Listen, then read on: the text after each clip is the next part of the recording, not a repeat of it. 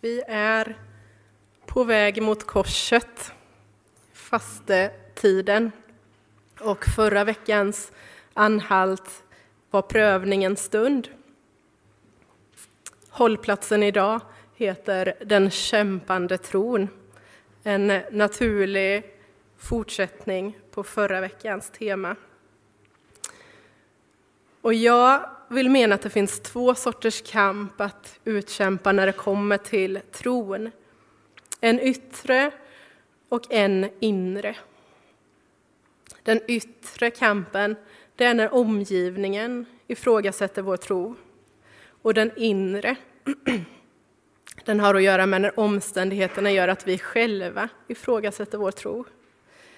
Eh, och där ska vi röra oss idag i texten som Åke läste från Hebreerbrevet 11 och också i Markus evangeliet 14. Eh, verserna 3 till 9 om ni följer med i biblarna. Jag hade till och med skrivit upp sidan 12-19 är det i biblarna som ligger i bänken. 12-19 har ni Markus. Markus 14, 3-9. Medan han var i Betania och låg till bords hemma hos Simon den spetälske kom en kvinna med en flaska dyrbar äkta nardusbalsam. Hon bröt upp flaskan och hällde ut allt sammans över hans huvud. Några blev förargade och sa till varandra, vilket slöseri med balsam, för den oljan hade man ju kunnat få mer än 300 denarer att ge åt de fattiga. Och de grälade på henne. Men Jesus sa, låt henne vara. Varför gör ni henne ledsen? Hon har gjort en god gärning mot mig. De fattiga har ni alltid hos er, och dem kan ni göra gott mot när ni vill. Men mig har ni inte alltid. Hon har gjort vad hon kunde. I förväg har hon sörjt för att min kropp blev smord till begravningen. Sannerligen, överallt i världen där evangeliet förkunnas ska man också berätta vad hon gjorde och komma ihåg henne. Vi ber. Herre, tack för ditt ord och öppna våra hjärtan för din röst idag, Herre. Amen.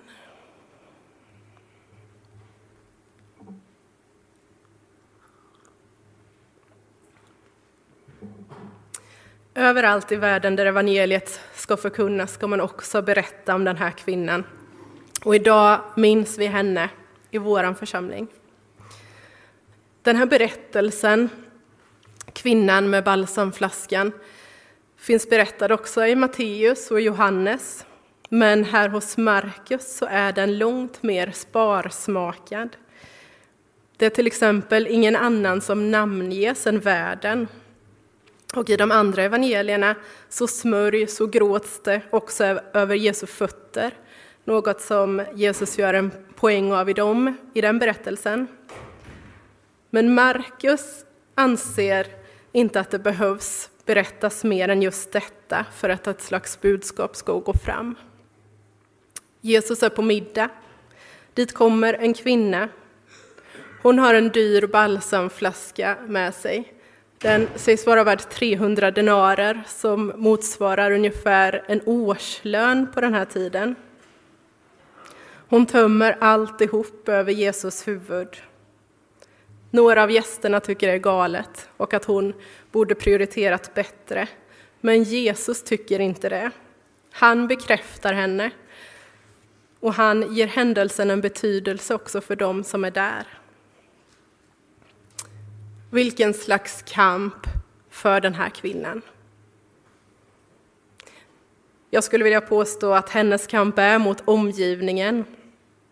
Vilket slöseri, säger gästerna. Och vi får anta att det både var skriftlärda, lite löst folk, men också några av Jesus närmaste lärjungar. För så brukar det vara när Jesus är hemma och äter middag. Kampen mot omgivningen tror jag att vi alla känner igen oss i mer eller mindre.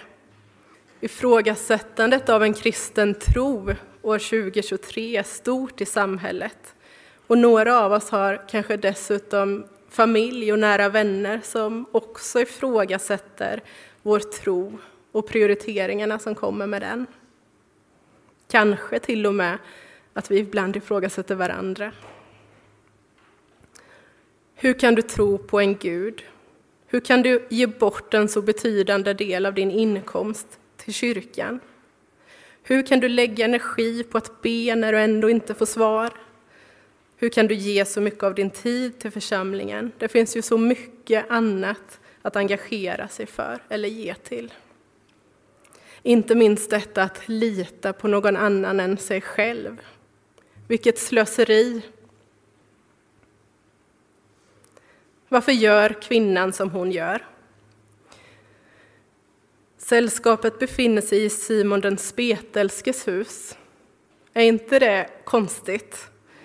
Ingen spetälsk var socialt accepterad på den här tiden. Ingen skulle kunna hålla en middag hemma hos sig och vänta sig några gäster. Det tyder på att den här Simon antagligen hade blivit helad av Jesus. Men han behöver fortfarande skiljas ut från alla andra Simonar som det berättas om i evangelierna. Så att de är hos Simon den spetälske, det är i sig ett vittnesbörd om vem Jesus är, eller åtminstone om vad han har gjort. Och precis innan den här texten så, så nämns det att det är två dagar kvar till påsk. Så när den här berättelsen inträffar så har man eh, antagligen fått se många under och tecken likt detta.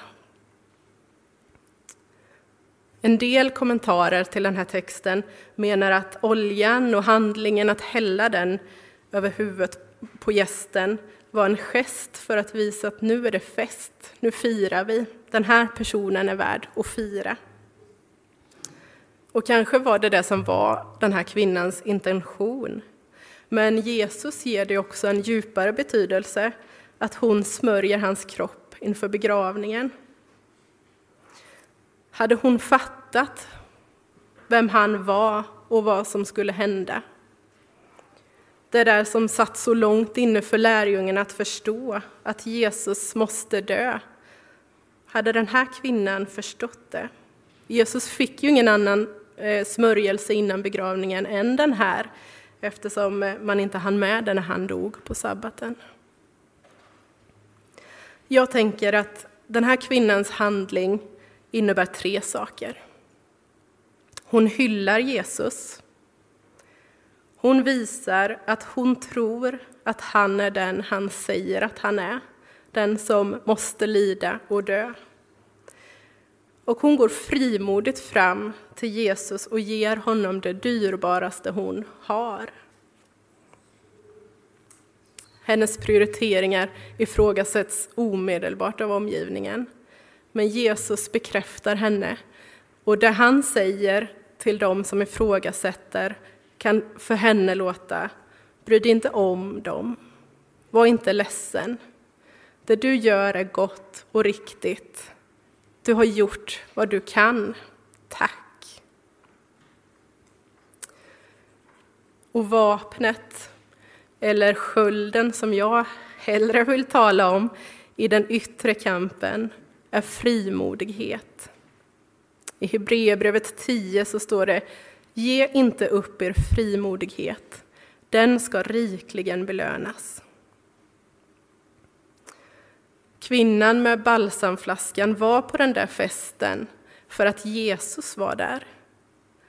Hennes frimodighet handlade om att orädd och ärligt hylla Jesus och bekänna att hon trodde på honom. Det var ett möte mellan kvinnan och Jesus det var inget skådespel för de andra gästerna, men det blev ett vittnesbörd för dem. Och när vi firar gudstjänst så här, så är vi främst här för att Jesus är här. Och när vi frimodigt, orädda och ärligt närmar oss Jesus, så är det inget skådespel inför varandra. Men det blir ett vittnesbörd för oss alla. Oavsett omgivningens hån och ifrågasättande så är det fortfarande år 2023 värt att frimodigt ge det dyraste du har till Jesus. Som vi sjöng i sången också, ta hela mitt hjärta. Han är fortfarande den som dog för hela världens synder, som uppstod till det eviga livet och som ska komma tillbaka en dag och fullborda allt. Tror du detta? Då vill jag uppmana dig att frimodigt bekänna Jesus som din Herre och lämna ditt liv i hans händer varje dag.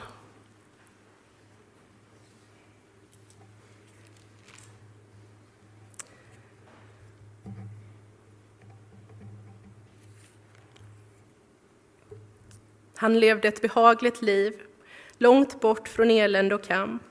Allt gick som han önskade.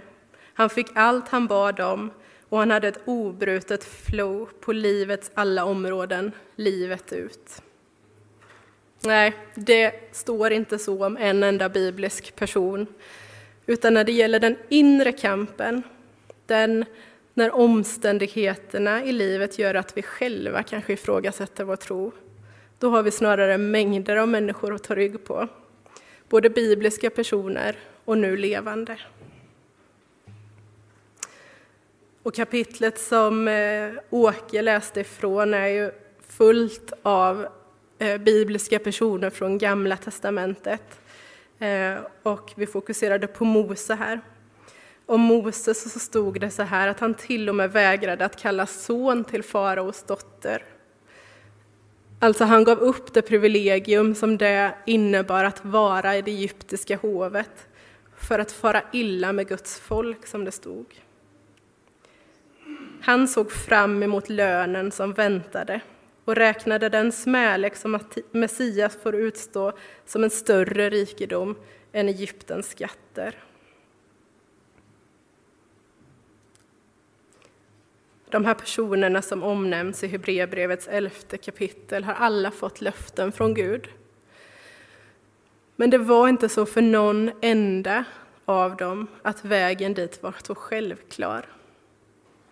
Istället så står det i tro dog alla dessa utan att ha fått vad de blivit lovade.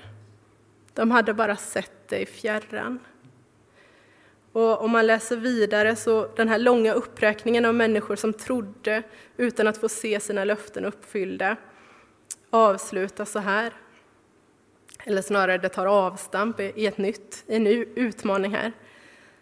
När vi nu är omgivna av en sådan sky av vittnen, låt oss då, även vi, befria oss från allt som tynger, all synd som ansätter oss och hålla ut i det lopp vi har framför oss. Den yttre kampens sköld är frimodighet. Den inre kampens effektivaste försvar är uthållighet. Och då är det inte den här sortens uthållighet som att slå rekord i hur länge man kan sitta i jägarvilan eller orka bara stå ut lite till i bastun. Utan den här uthålligheten, om det står det så här, uthållighet är vad ni behöver för att kunna göra Guds vilja och få vad han har lovat.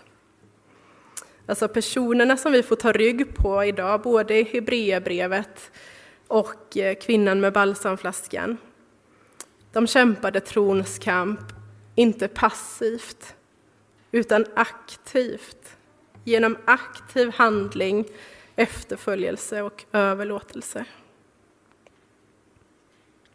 Samuel predikade förra veckan och då landade han i berättelsen om när Hagar ger Gud namnet den seende guden.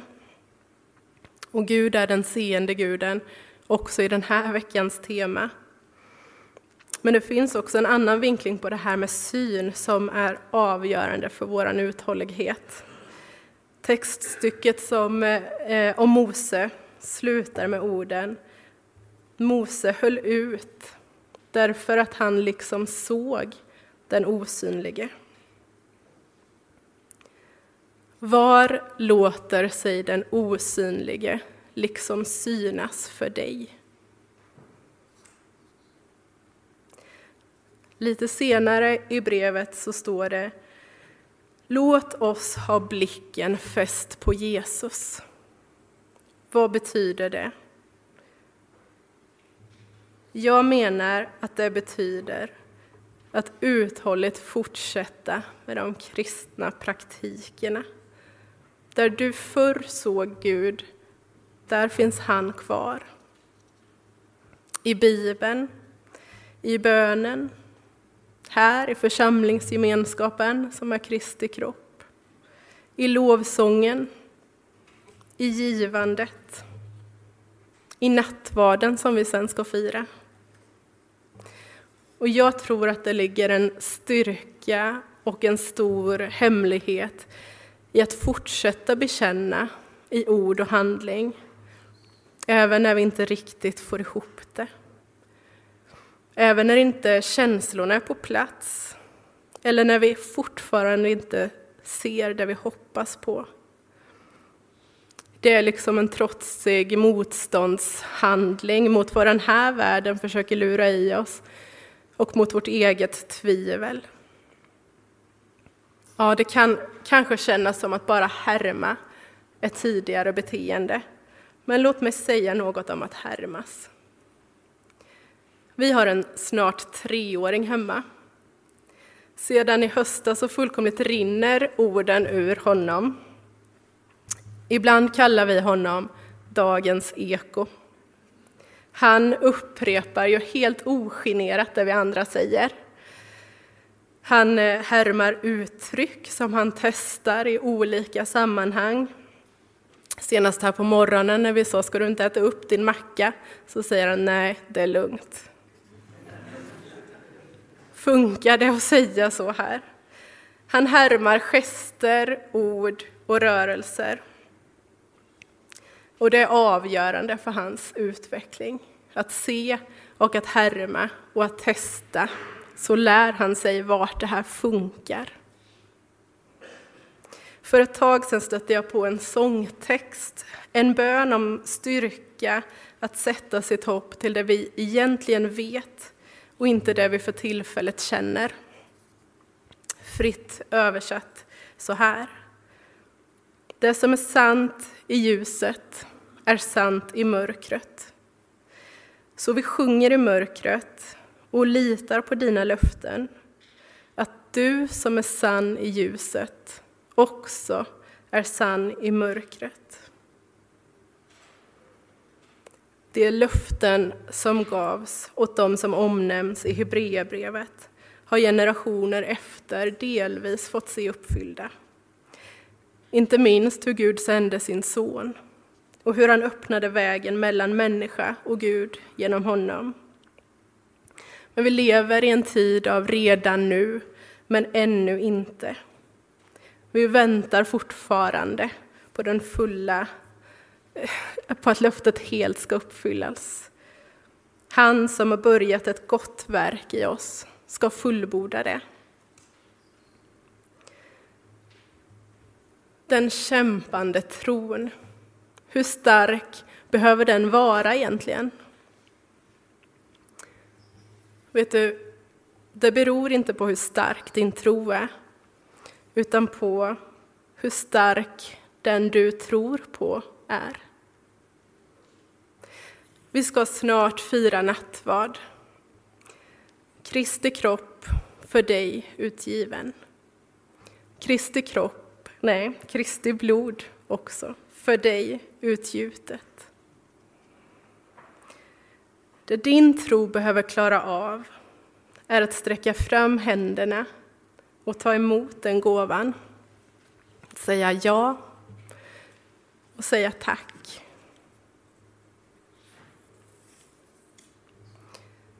Och som avslutning har vi Hebreerbrevet 10 och 23. Låt oss orubbligt fortsätta bekänna vårt hopp. Ty han som gav oss löftena är trofast. Amen. Jesus, vi tackar dig att vi får lita på dina löften. Vi tackar dig för alla de som har gått före oss, som har varit uthålliga i tron på att det du lovat, det kommer att hända, Herre. Vi tackar dig för den här kvinnan som vi inte vet vad hon heter, men som vi kommer ihåg idag. Tack för den frimodighet hon visade på. Hjälp oss att också ta efter den, Herre. Hjälp oss att vara frimodiga och uthålliga på vandringen mot korset. I Jesu namn. Amen.